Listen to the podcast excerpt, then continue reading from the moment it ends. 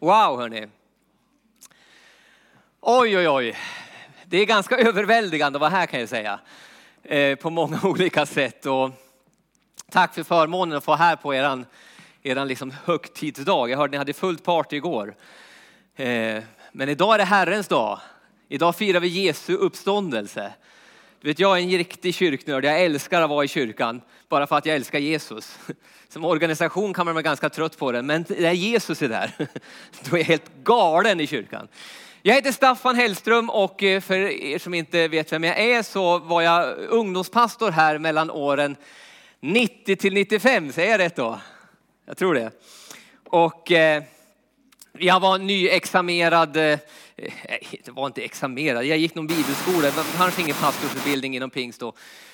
Eh, så jag, mitt första fält som man kallar det, mitt första ställe att komma som pastor. Men jag minns så väl när jag och Marita sitter i bilen och vi har passerat Skövde på väg mot Tibro. Vi sitter där liksom med hade vi släpkärra med oss då? Jag minns inte. Ja, och sitter där liksom.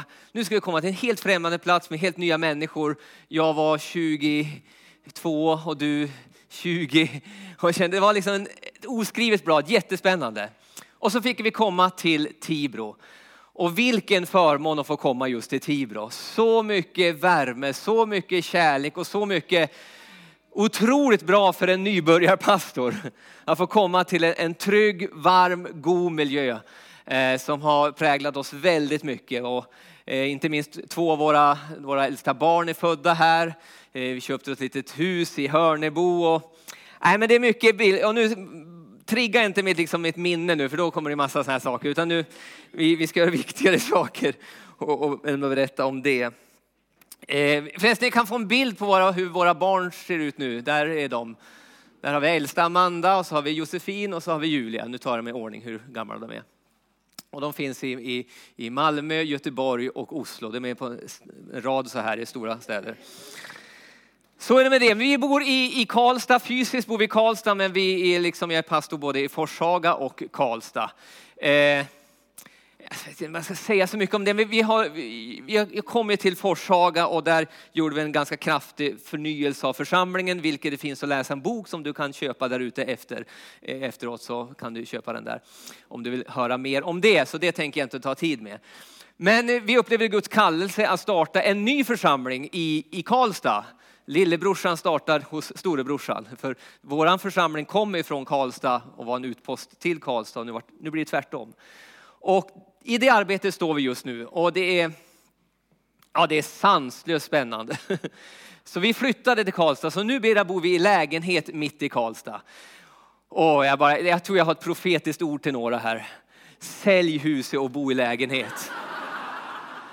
Alltså ni anar inte vad skönt det är. Och inte, våren kommer, jag tänker inte på några gräsmattor, inga planteringar, inga stuprör som måste fixas. Jag tänker inte på det, så jag tänker bara, jaha, nu är det vår. Vad gött! Då går jag ut och joggar. Ja, men det är helt fantastiskt. Vi inser ju att vi egentligen inte har varit någon sån här liksom, eh, husmänniskor, de har vi haft för barnens skull. Men så fort barnen liksom var ute, då var det liksom läge att ha det, ha det fina livet. Eh, så vi, vi toknjuter. Det går faktiskt inte, vi har bott där i tre år i februari. Och det går nog fortfarande inte två dagar utan att vi säger, men tänk vad bra vi bor nu. tänk vad bra vi är. Det känns som vi bor på hotell dygnet runt, mitt i stan, så går man upp till en fin lägenhet, så ut på stan. Äh, men det är så bra. Trigga mig inte där heller, för då kan jag börja fortsätta med det. Eh, eller också tacka, för jag kan förstå och tror och förstår att det finns många som ber för oss. Eh, många av er vet att eh, jag fortfarande bär på en ganska svår cancer i mitt liv. Jag vet inte, hundra faktiskt. Jag ska på i, min röntgen nu på den nionde, tionde någon gång här. Eh, jag har eh, lungcancer, den har spridits i skelettet och enligt läkaren är det obotbart och mycket, mycket dödligt. Och ni tycker, men han ser inte ut att ha cancer. Ja, jag tror jag har det fortfarande. Vi får ju se vad nästa röntgen säger. Men det finns ju fantastiskt, Gud är god och det finns fantastiska mediciner idag. Så eh, jag är ju piggare än någonsin. Det enda som påminner mig idag om att jag är sjuk, det är att jag äter den där tabletten som kostar typ drygt tusen spänn varje dag. Det är det som gör. Och man ärar ju Gud att man bor i Sverige, annars måste jag bli kriminell för att överleva. Men eh, så är det. Så ni som undrar nu så behöver ni inte fråga det. Jag mår bra just nu. Fortsätt att be för mig. Jag är inte frisk men jag mår bra. och vi är vid gott mod framför allt. För, för Gud är god och Guds nåd är fantastisk. Och grejen är, vi har ju inte, ingen av oss har något löfte om att vi ska liksom tillbringa evigheten här. Utan vi är på väg någonstans. Och det är det vi har en försmak av när vi firar gudstjänst. Det är en liten bit av heaven. Att träffas här, få tillbe Gud och ha gemenskap och allt detta. Du vet, det kommer bli så bra. Så, ja, är det en annan predikan? Vi tar inte. Hörrni, hur många ser på Idol? Lite ärlighet här nu då. Alltså, ja, jag ser på dem, men vi inte vet. Alltså, alltså, jag följer inte Idol, men jag följer lite grann så jag ser vilka som är bra. För jag tycker om, det är väldigt få alltså. Ja, ja så hälften av er ljuger också. Okej, okay, men det kanske, ja. Okej, okay, ja, några till där. Ja, nu börjar det ploppa upp lite grann här. Jag ser inte på det, men jag, jag, ser på, det vet inte en fru om det, men jag ser på, för jag håller koll på vilka som ändå är. För jag, jag älskar det här momentet och ser liksom, det kommer någon liten stackare där och sjunger och sen blir de liksom bättre och bättre. Jag tycker om det här förvandlingen, jag tycker om det. Jag är svag för saker på sådana program helt enkelt. Och eh, idag ska jag faktiskt ta hjälp av eh, eh, hon Kirsti, får vi en bild på henne här i Idol. Det kommer nog en bild på henne snart så småningom. Annars är mina barn väldigt fina att titta på, helt klart. Nej, men Kirsti är en av, är en av dem som är, är, är liksom de som är eh, domare eller vad de nu är, coach eller vad man nu ska säga. Och eh, hon, för några år sedan så, så var det en... Kom Kirsti eller försvann hon? Kirsti! Ja, hon är snabb alltså. Hon kommer och går lite grann. Nej, men den där bilden är, är i alla fall så att eh, vid ett tillfälle, det är ganska känt, det finns, ett TV, liksom finns på, om man går in på Youtube och tittar på det, så finns det ett tillfälle, det finns en människa som har sjungit förfärligt dåligt. Det är uttagningen nästan roligast att se liksom någon som kommer och tror de har världens bästa röst men det låter crap verkligen. Och det här var en av dem, det lät, för, det lät inte bra. Men den här människan förstod inte det. Och, liksom, och, och Kirsti liksom, och då, och den människan framhöll fortfarande, nej men jag, jag, är bra på att sjunga. Och då skriker hon, är det någon som minns vad det är hon säger? Exakt, det är orimligt skriker hon.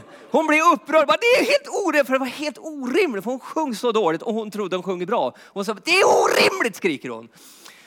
Och det är faktiskt temat på min predikan idag. Så du kommer få se den där människan idag. Så du kommer komma ihåg vad jag predikar om idag på ett eller annat sätt och förhoppningsvis på det sättet, men kanske heller på något annat sätt.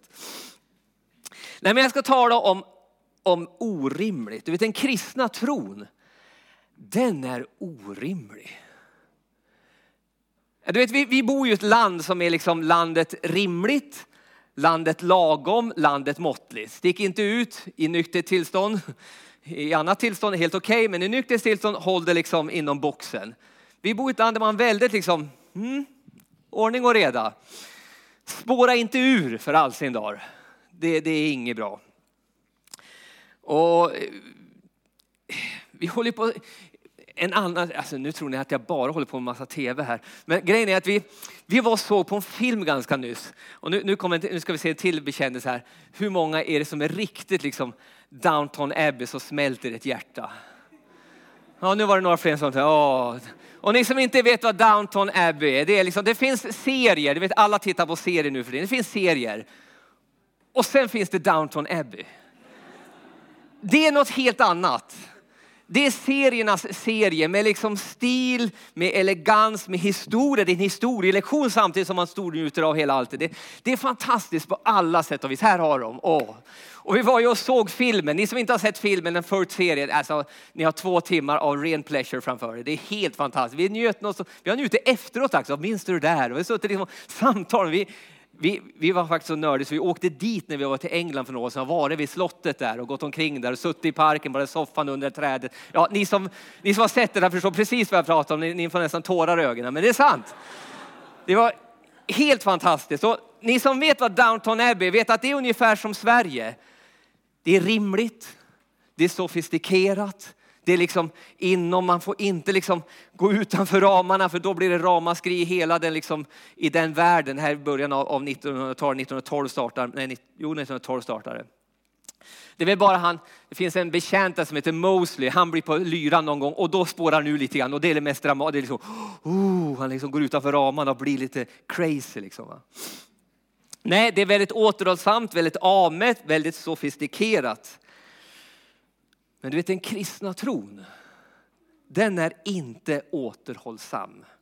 Den är inte avmätt och den är absolut inte lagom. Utan den är helt och hållet orimlig. Den är fullständigt orimlig. Jag slog upp ordet orimlig och liksom olika liksom ord om det. Absurd, omöjlig, vansinnig, förskräcklig. Sen skriver de okristlig. Det tycker jag var lite kul. För det är precis vad det inte är. Då har man tänkt att den kristna tron är liksom rimlig.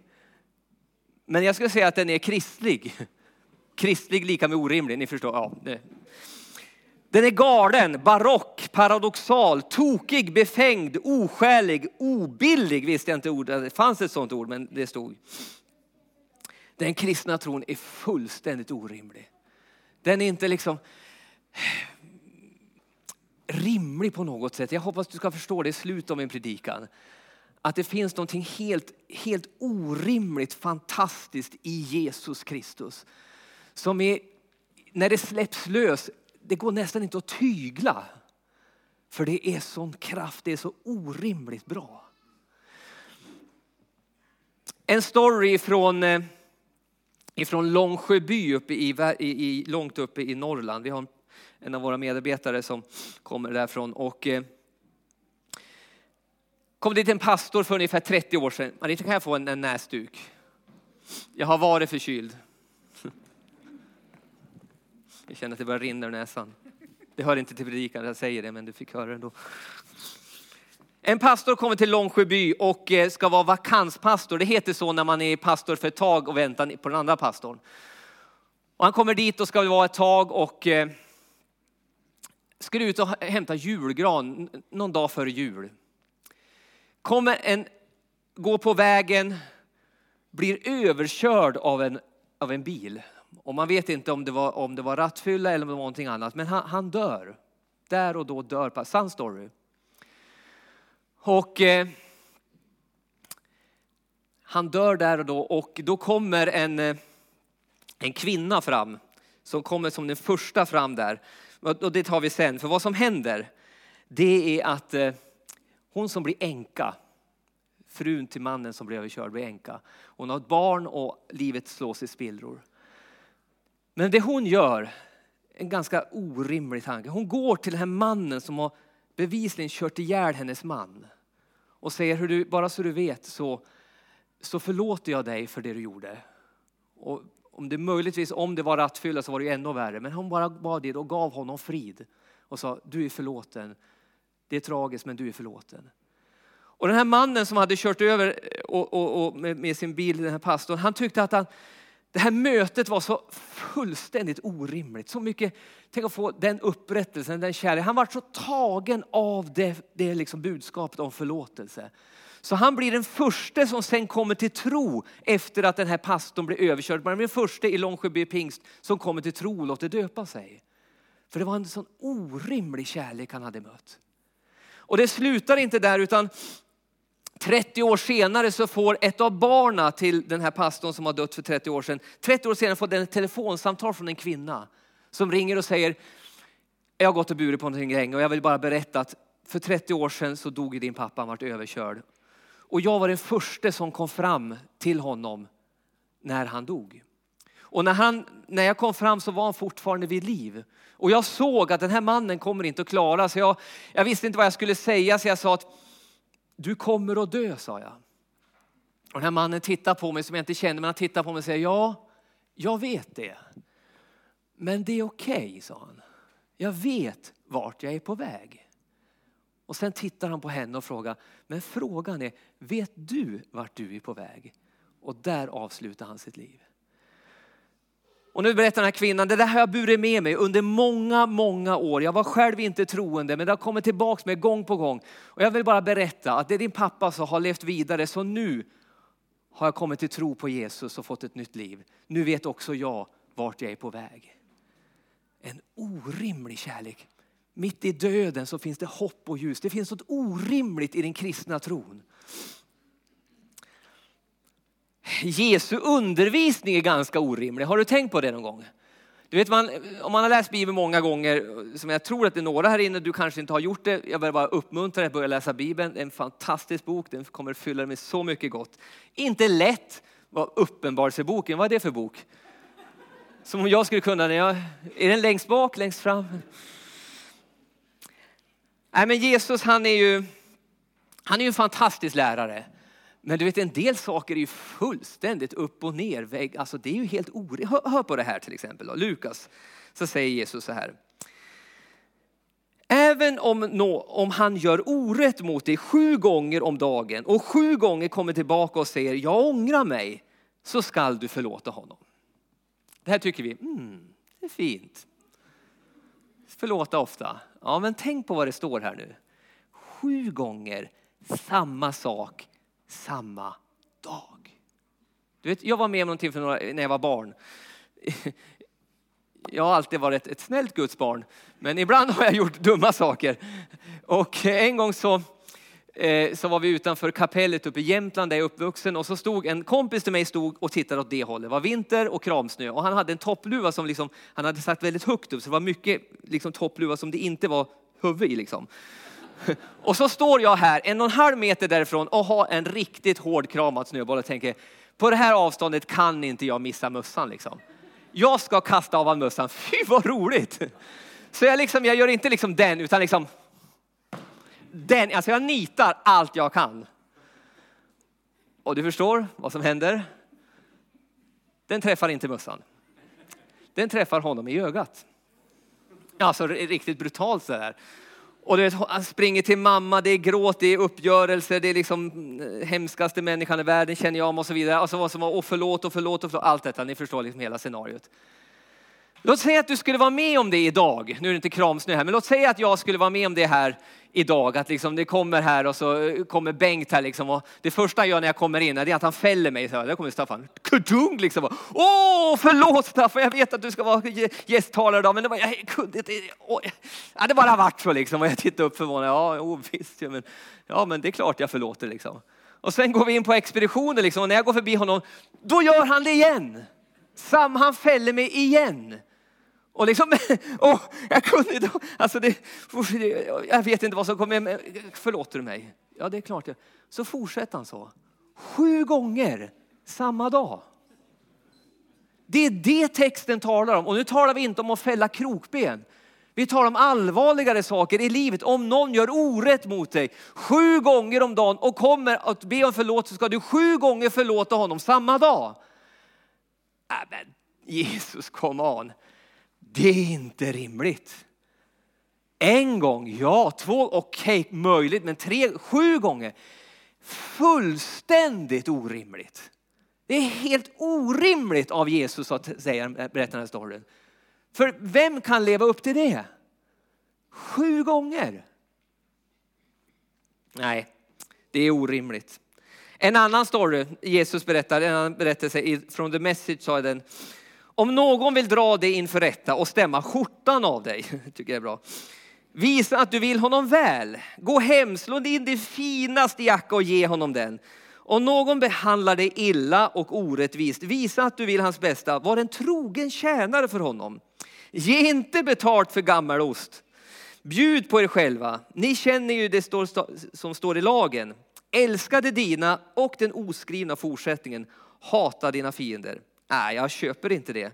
Ni ska älska era ovänner. Det är vad jag säger er. Låt dem locka fram det bästa ur er, inte det värsta. Om någon gör livet tufft för er, så svara med att be desto ivrigare. För då är ni verkligen ett rätta jag, sådan som Gud har skapat er. Gud gör likadant. Nej, alltså. Det här är helt orimligt. Vad är det han säger? Jo, om du och jag blir orättvist och illa behandlad. finns det något som är så jobbigt att bli illa och orättvist behandlad? När man vet man har rätten på sig, och nu pratar vi liksom inte kroppen och små saker, vi pratar i, i livet i stort. Du kanske är här som har blivit orättvist behandlad på ditt jobb eh, på olika sätt och du vet att det, det tar på riktigt liksom. Och vad är det Jesus säger? Om du blir orättvist behandlad, om du blir illa behandlad, då ska du liksom bara, ja men jag, jag, jag, ger inte, ja, jag vill ditt bästa, jag ska be lite ivrigare för dig broder. Du har behandlat mig som dynga men, men vi, vi, jag tycker om dig, du är fantastisk och så vidare. Det är det texten säger. Den kristna tron är inte rimlig. Den är Jesu undervisning är fullständigt orimlig. Om du har en, så säga, om du har en riktig ovän, alltså vad sällan det man har riktiga ovänner, vad skönt det är. Men jag tror knappt jag har haft det. Jag vet inte riktigt. Men fy vad jobbigt att ha någon riktig ovän som gör livet riktigt surt för dig. Låt säga att någon som skriver lögner om dig på Facebook. Som bara lägger upp det ena efter det andra av förtal emot dig. Vi pratar om ganska allvarliga saker. Du är trollen som sitter där och håller på bakom tangentborden. Om någon gör det, vad ska du göra då? Jo, då ska du be för han desto ivrigare. Och du ska låta den behandlingen locka fram det bästa ur dig. Men hur orimlig får man bli? Men vi vet ju hur vi är, bara någon liksom man, gör, man liksom råkar ut för någonting och så liksom trycker man, då kommer det ju sämsta ut ur Staffan.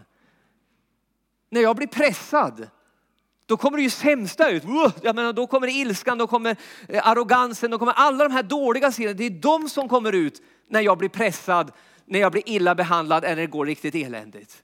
Men Jesus säger tvärtom. Nej, när det händer sådana saker, då ska det bästa, det vackraste ska komma ut ur er. Det är fullständigt orimligt. Jag, menar, jag klarade ju inte ens av det på autobahn i somras. Vi åkte ner till, till Kroatien och, och, och vi körde autobahn alldeles för länge. Och det var, man ligger i mittenfilen där i 160, det är helt sjukt. Bara, alltså Sverige, vad underbart det var. Kom, att komma till Sverige 80, 90, 100. Och jag kände liksom hur pulsen gick ner. Åh, halleluja, det här är fantastiskt. Man, är, man blir en stressfaktor att bara ligga på de där vägarna.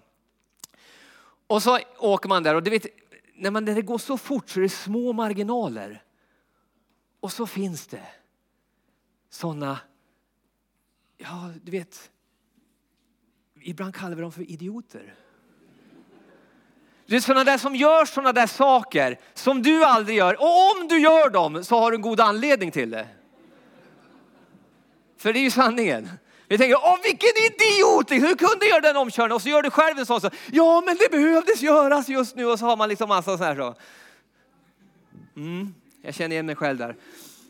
Och du vet, det fanns ju en del som körde om som har varit ju Åh, oh, jag en som liksom hetsade mig på något sätt. Han, han ville att jag skulle ligga i liksom segfilen, men det ville inte jag. Han ville liksom lära mig. Så han åkte in så, åkte om och så fick han stopp för det kom en, en, en, typ av husbil. Och så låg min Maritas bror i den andra bilen och, då liksom låg, och så smet han in, jättefarlig manöver, snabbt så här. Det var inte mycket. Och jag bara, vad händer liksom? Va? Vad händer? Vad säger texten att vi ska göra då? De här situationerna, vad ska det locka fram? Ja, det ska inte locka fram något konstigt finger eller något sånt där. Utan det ska locka fram det vackraste och det finaste hos oss, säger Guds ord. När du blir trängd, när det här händer, då ska det vackraste, det finaste ska komma ut ur ditt liv. Åh, där var en idiot. Gud välsigne den idioten. Jag älskar dig. Hoppas vi ses på nästa rasta så bjuder jag liksom på lunch och så vidare. Wow, blessing to dig med M5 som kördes med idiot. Alltså förstår ni? Det finns ju inget rimligt i detta. Det är fullständigt orimligt. Men Jesus säger ändå. Den kristna tron är på ett vis helt omöjlig. Och då kanske du sitter där, ja det är därför inte jag kan vara kristen. Vem kan leva upp till det här liksom? Hallå? Det är ganska hög standard liksom. Vem, vem kan klara av det här? Jag, jag är jättelättretad, jag har ett humör som smäller till så. Jag är si, jag är så. Välkommen till klubben. Välkommen till klubben. Men det finns en sak i slutet av den här texten eh, från The Message som, som vi läste, som är själva liksom grejen. I slutet så står det så här, när han har liksom berättat om hur vi ska vara, så säger han, Gud gör likadant. Gud gör likadant. Du vet den kristna tron börjar inte med att du och jag blir så förträffliga och så bra. Utan det börjar med att han är orimligt bra. Är oöverträffat bra. Är helt makalöst bra. Och det är mötet med honom som vi kan förändras. Du vet, det finns någonting hos Gud, hos Jesus Kristus. Ett möte med Guds orimliga kärlek, Guds orimliga nåd.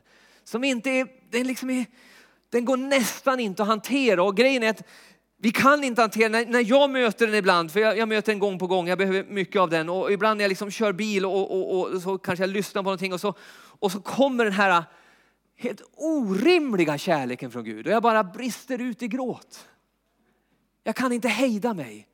För det är som en, en krock med något helt orimligt kärleksfullt, stort, fantastiskt, ogreppbart bra.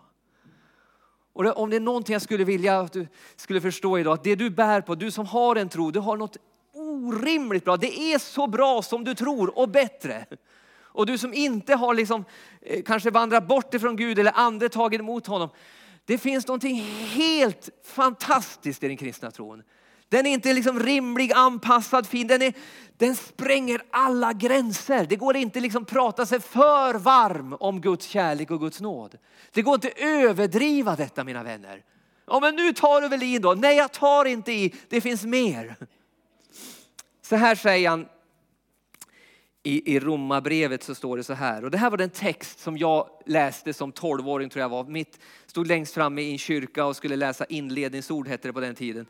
I en tält. Eh, man firade firar gudstjänst utomhus i tält förr i tiden. Och, eh, och och, och, och, då skulle jag läsa inledningsord. Och, förr i tiden var det så att om man läste inledningsord och sa någonting, då var man till predikoämne. Då var ja, mm, det kanske blir någonting och så vidare. Jag hade något att säga den dagen, så jag skulle läsa just de här texten. Och jag hade den texten som en text för att det här behöver någon höra, ja. Vad jag inte förstod, det var att det var jag som skulle höra den texten. Så när jag som tolvåring läser detta, så är det som om Gud för första gången på riktigt, jag är uppvuxen i kyrkan, men på riktigt var det som allt jag hade hört om Jesus, om Guds kärlek, allt de hade hört detta var som det bara landade ner i mitt hjärta. Och jag tror om jag ska tänka efter det var då jag varit fylld med den Helige ande. För den Helige ande liksom gör det levande, det som handlar om tron och Jesus och Gud. Och då står det så här, och det här är helt orimligt. Medan vi fortfarande var hjälplöst förlorade kom Kristus vid rätt tidpunkt enligt Guds plan och dog för alla oss som struntade i Gud. Annars är det knappt att någon skulle offra sitt liv för en människa som lever rätt. Möjligen skulle någon kunna dö för en som är alltigenom god, men, men Gud, nu kommer det helt orimliga. Men Gud bevisade hur mycket han älskar oss genom att Kristus dog för oss medan vi ännu var syndare. Och du vet när jag läser den här texten och ska till och säga då får inte jag fram ett ord. För då fattar jag Staffan, du är en av dem som du läser om. Vad är det texten säger?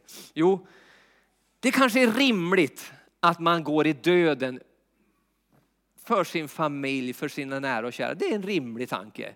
Att vart det hett läge liksom, så kanske man skulle kunna stand in för någon annan som står en nära. Det är rimligt säger texten ja, det är knappast rimligt att man skulle göra det för en, liksom en, en random, vem som helst som är hygglo, ett bra, en bra liksom, ja, sköter sig, betalar skatt och är helt okej. Okay. Men att jag liksom bara, åh, nej, men jag tar din plats. Ah, nej, det är väldigt få som skulle göra det. Det är inte riktigt rimligt. Och, säger texten, det är helt orimligt att vi skulle gå till döden för något Oj, där går Hitler, men han behöver jag göra stand-in för. Okej, okay, du får leva, jag dör. Det är helt orimligt. Och så säger texten, men det, det gör Gud för dig och mig. Medan vi fortfarande vandrade bort ifrån Gud, struntade i honom, brydde sig inte alls, så sa Gud, jag tänker dö för dem, jag tänker ge mig det. Oavsett hur de reagerar på det så tänker jag vara stand-in för dig. Det är fullständigt orimligt mina vänner. Att Gud som har skapat himmel och jord älskar oss och dig så mycket så han var beredd att dö för dig fast han inte visste om du skulle ens tacka ja till det. Utan han gjorde det ändå. Medan vi ännu var syndare dog Kristus för oss. Du vet, du är värd att dö för.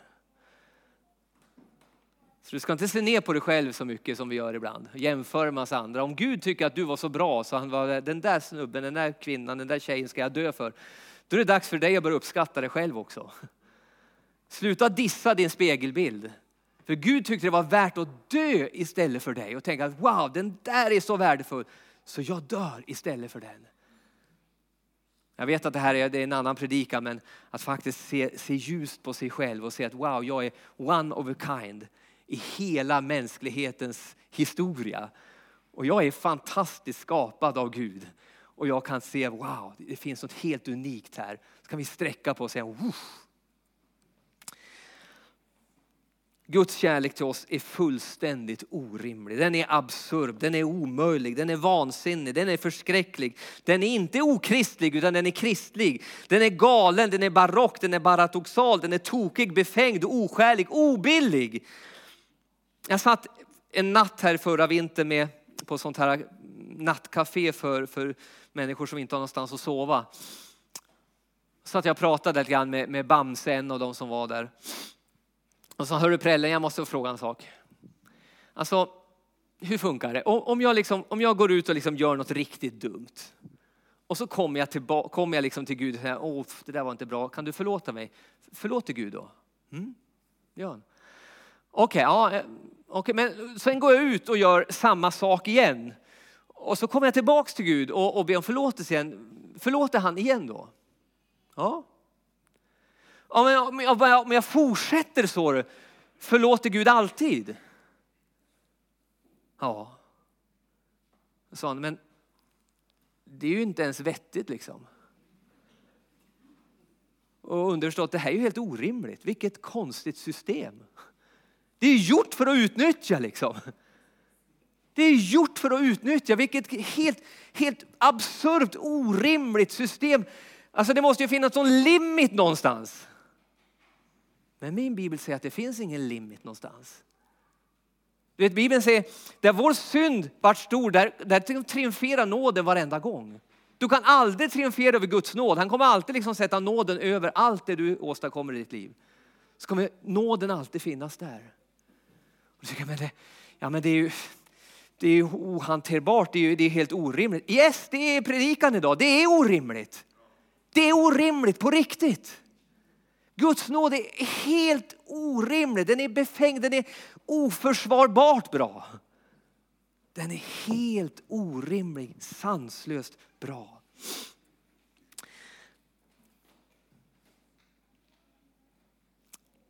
Det är Gud som börjar i våra liv och förlåter oss och ger oss sin nåd. Och när vi möter honom, och du kanske är här idag som ska återigen för kanske första gången eller för 37 gången bli nästan överkörd av Guds kärlek.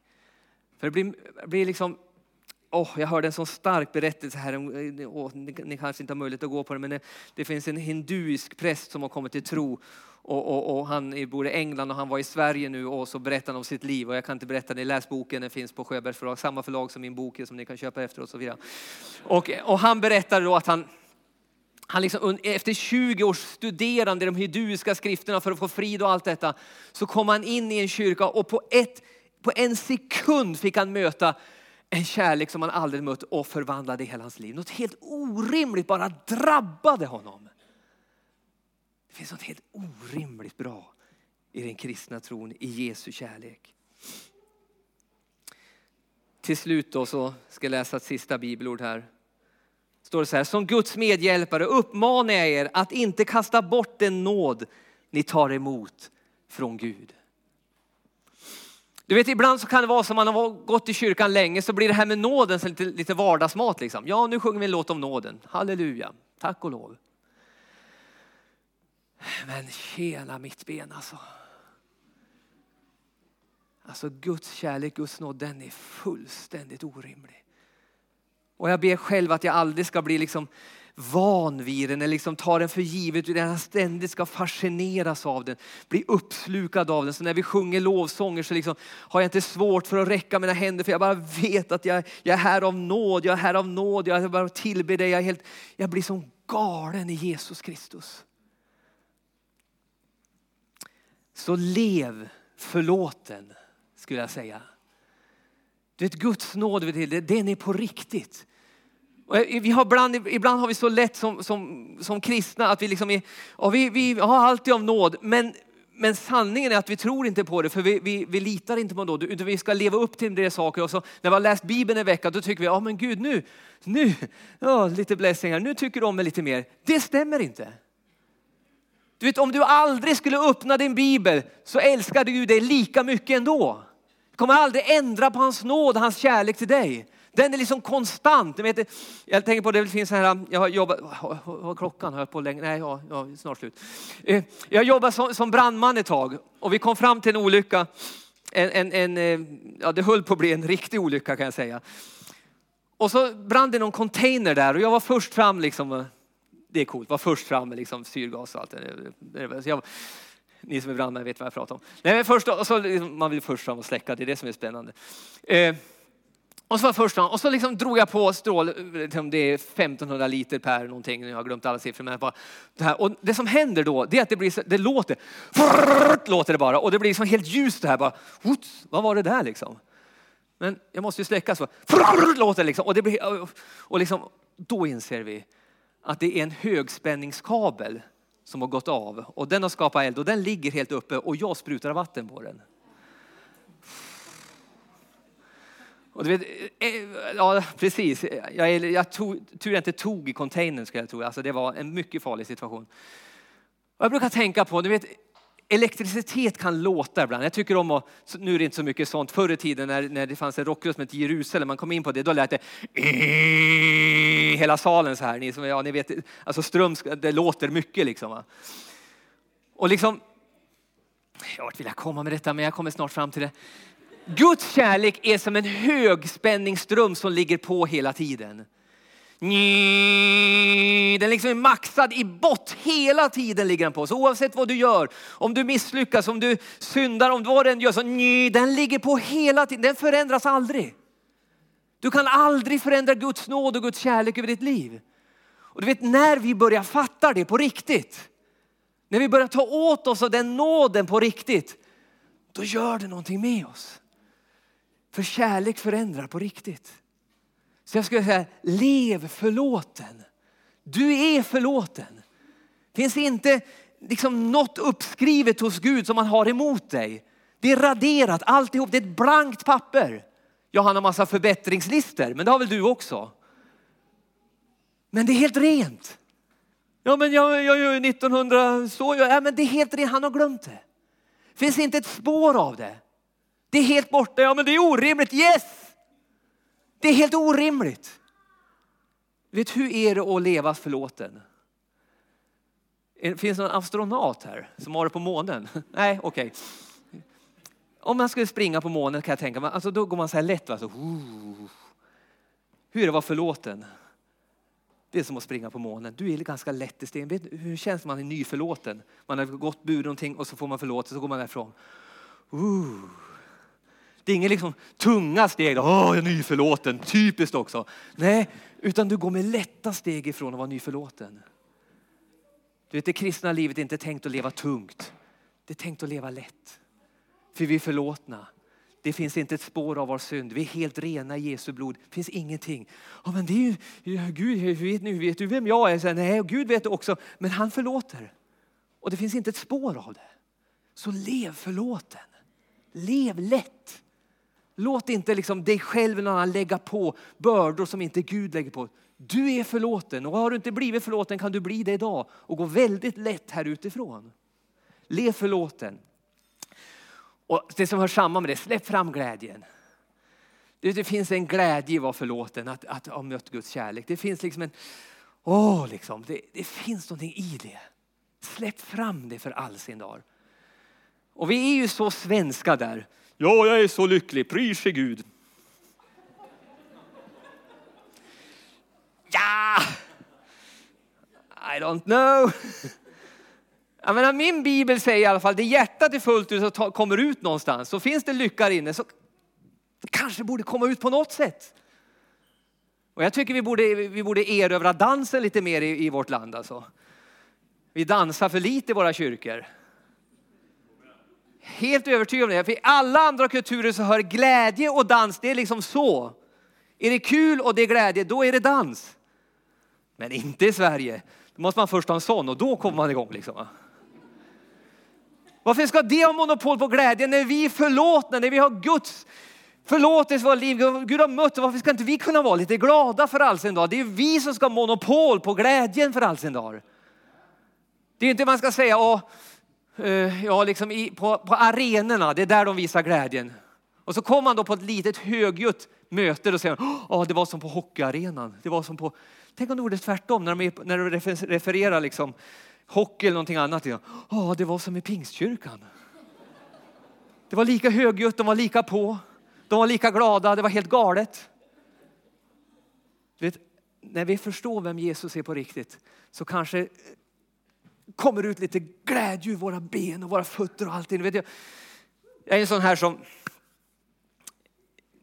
Första låten i vår församling, fantastisk lovsång idag. Jag har, jag har blivit så välsignad ska ni veta. Och jag älskar när vi drar på i Guds hus. Du vet, vi ska liksom, är det här orimligt mycket och gigantiskt, ja men då måste det synas och märkas någonstans och inte bli liksom tillplattat och litet. Utan wow, come on! Liksom. Och jag brukar ofta i första lovsången stå och hoppa lite grann så här. Halleluja. Och det gör jag av några orsaker, tre orsaker. Den sista är viktigast. Ett, för ett tag sedan hade jag så ont i ryggen på grund av cancern så jag kunde inte hoppa. Det gjorde så otroligt ont. Nu gör det inte det. Så jag bestämde mig, jag ska hoppa så länge jag kan. Så länge jag inte har ont så ska jag njuta av att kunna hoppa. Så jag gör det ibland. Det andra är att det är, det, det är roligare att ha kul än tråkigt. Jag har kommit fram till mitt liv. Ja, men jag är plus 50 liksom och det är dags att ha riktigt roligt i livet.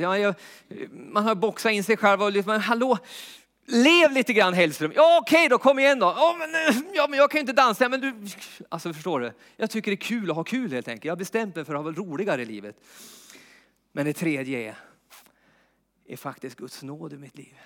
Jag är seriöst riktigt överlycklig över att jag är frälst. Jag är görglad. Jag är helt såld. Det har tagit över mitt liv fullständigt. Och ibland så vill jag bara dansa loss och bara, ah, det här är orimligt bra. Släpp fram glädjen. Två saker till, sen slutar vi. Arbeta med livet. Vi tar den kort bara. Vet att Guds nåd är den bästa drivkraften för att du ska bli vad Gud har tänkt.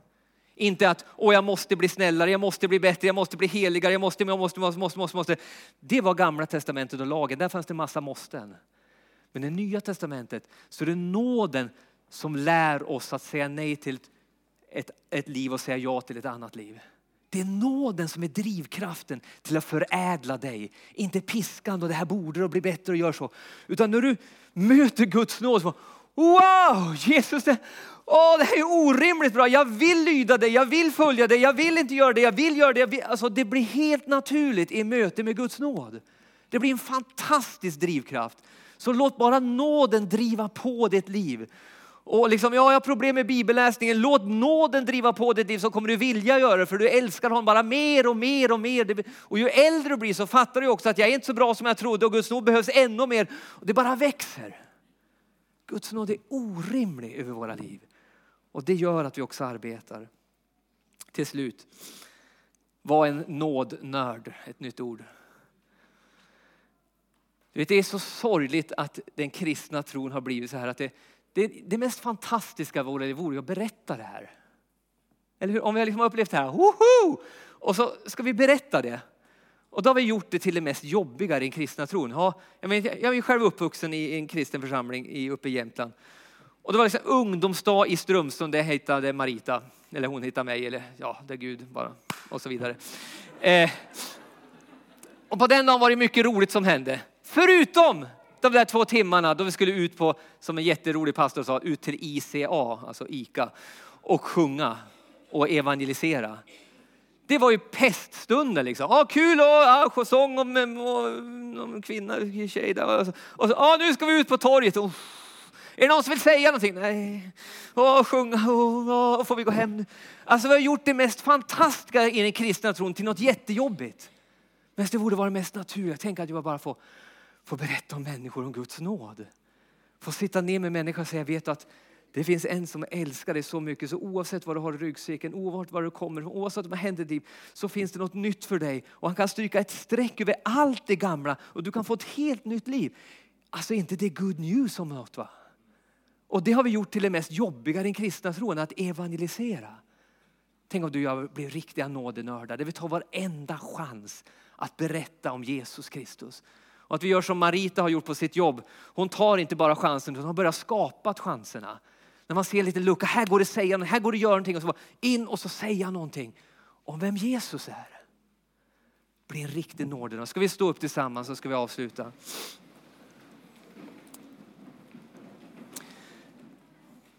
Du vet, Gud ger dig inte vad du förtjänar. Han ger dig nåd. Jag är så glad att Gud inte ger mig vad jag förtjänar. Han ger mig orimligt mycket nåd. Fantastisk nåd. Jag skulle önska att du som har varit troende i många år, att när vi går mot slutet här och vi kommer ha möjlighet för, för förbön här och så vidare, att du verkligen, att den helige ande skulle bara liksom lyfta upp den här pärlan i ditt liv som är Jesus Kristus förlåtelse och vem han är. Och att du skulle bara, wow, det här är ju, det här är, det här är orimligt bra. Precis så är det. Du vet, det finns en, en, en berättelse i, i, som Jesus nämner om de här två sönerna som vandrar bort ifrån Gud. Den ena, han, eh, det är en son som vandrar bort ifrån Gud. Han, liksom, han gör något orimligt. Han önskar livet ur pappa sin och säger pappa, jag önskar du vore död så jag fick arvet i förtid. Så han gör något väldigt fult och väldigt beklämmande. Pappan ger honom arvet, han går ut och spenderar det och slösar bort allting. Till slut hamnar han i riktiga svårigheter. Och så tänker han, nu, nu, är jag, nu är jag i skiten verkligen. Men hemma hos pappa, så de som var slavar, de hade i alla fall mat. Tänk om jag kunde bli en av dem. Så vänder han tillbaks. Vad han inte vet då, det är att pappan har stått och tittat varenda dag och väntat på honom.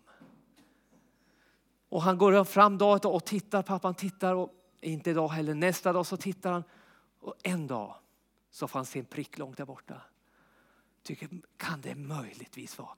Ah, jag känner inte igen kläderna, men gångstilen, möjligtvis kan det vara. Kan, det är nog han. Och så gör han något helt orimligt. En man på den kulturen springer inte. Men den här berättelsen med Jesus säger att det finns något orimligt i Guds kärlek till dig och mig. Så han bara lämnar all värdighet och bara rusar emot sonen och kramar om honom. Och han säger, ja men jag är inte värd och så vidare. Du vet den här känslan för att säga, det är borta, nu, nu är det party, du är son, på med liksom kläder, du är son fullt ut. Och så börjar festen. Och man tycker, med tanke på det han har gjort, att liksom önska livet ur pappan, slösa bort allt. Så orimligt mycket kärlek. Sån är Gud mot dig idag. Det finns orimligt mycket kärlek till dig idag. Så vill du bara öppna dig för den, ja, så kan du bli överkörd av Guds kärlek som förändrar så mycket i ditt liv. Så vi ska be tillsammans. Jag vill alltid ta tillfället, om du kanske är här som ska säga ja till Jesus för första gången. Så säger, Åh, det, här, det här skulle jag vilja ha. Eller du kanske har vandrat bort ifrån Gud och säger det, det vore så gott att få komma hem till pappa igen och få, få liksom veta att jag är Guds barn igen. Så ska vi ta en stund, du får möjlighet att säga ja till det. Och sen kommer lovsångsteamet komma upp och de kommer börja sjunga och det finns möjlighet för dig att få förbön här framme också. Om du kanske kommer hit med, det kanske har med din kropp att göra, med din familj att göra, det kanske har någonting eller bara vill be för mig eller be för den här veckan, whatever. Så ska vi ha en stund där Gud kan möta dig. Men nu gör vi så att vi blundar av respekt för varann. För det här är ett sånt viktigt beslut och Jesus älskar dig personligt så otroligt mycket. Så om du är här idag, det här är inte för mig, men jag vill bara se om det finns någon innan jag ber. Om du är här idag som säger för första gången eller du vill komma tillbaks till Gud och säga idag vill jag ta emot den här orimliga kärleken. Om det är du idag så kan du just nu räcka din hand så ska vi be en gemensam bön tillsammans. Gud välsigne dig där, du kan ta ner den. Är det någon mer innan vi ber här? Ska vi be en gemensam bön allihop där vi inkluderar alla ni som känner vill komma tillbaka eller komma till Jesus Kristus. Det blir sån fest i himlen när vi tackar. Jag har sett din hand där också, du kan ta ner den. Tack ska du ha Jesus, tack för din godhet Herre. Då gör vi så att jag kommer be en bön för det här. Och har jag inte sett din hand så har Gud sett din hand. Utan jag kommer be en bön för och så ber, och så ber ni efter mig. Så vi ber till, och även du som har varit kristen i många år, be tillsammans. Så vi hjälper dem som nu kanske tar första steget eller kommer tillbaks till Gud. Tack ska du ha Jesus. Att du älskar mig så orimligt mycket. Att du har dött för mig. Här är jag nu. Förlåt mig mina synder. Nu kommer jag till dig. Nu vill jag bli din. Tack att jag från den här stunden är din. Och du kommer aldrig lämna mig. Tack ska du ha Jesus. Amen. Låt oss kan komma fram. Herre, jag vill tacka dig Jesus Kristus för din kärlek till oss, Herre. Tack för din godhet och din nåd som du låter flöda gång på gång på gång över våra liv, Herre. Jag ber för mig själv att jag inte ska ta din nåd för givet på något sätt, att jag liksom blir bekväm med den och liksom bara utan att jag ständigt ska vara fascinerad över din kärlek och din nåd över mitt liv, Herre. Tack ska du ha Jesus. Du är helt orimlig, du är helt ogreppbar Herre. Din kärlek är helt ogreppbar Herre. Jag ber här att, att det, det, du möter oss med här, att det ska ge resultat in i våra liv. Att vi kan möta våra vänner, våra nära, våra ovänner också. Med orimligt mycket kärlek, med orimligt mycket omtänksamhet Herre. Men det kyrkan alltid varit känd för, att man har älskat utöver alla gränser, utöver det som har varit rimligt Herre. Jag ber att din kyrka i Sverige ska verkligen vara sån igen, att det finns orimligt stor öppen famn Herre. Jag tackar dig för det Jesus. Jesus du är det dyrbaraste jag har. Tack ska du ha Jesus. Nu ska vi sjunga tillsammans, vi kan fortsätta att stå. Som sagt, vill du ha förbön så finns det möjlighet att komma fram och få förbön här.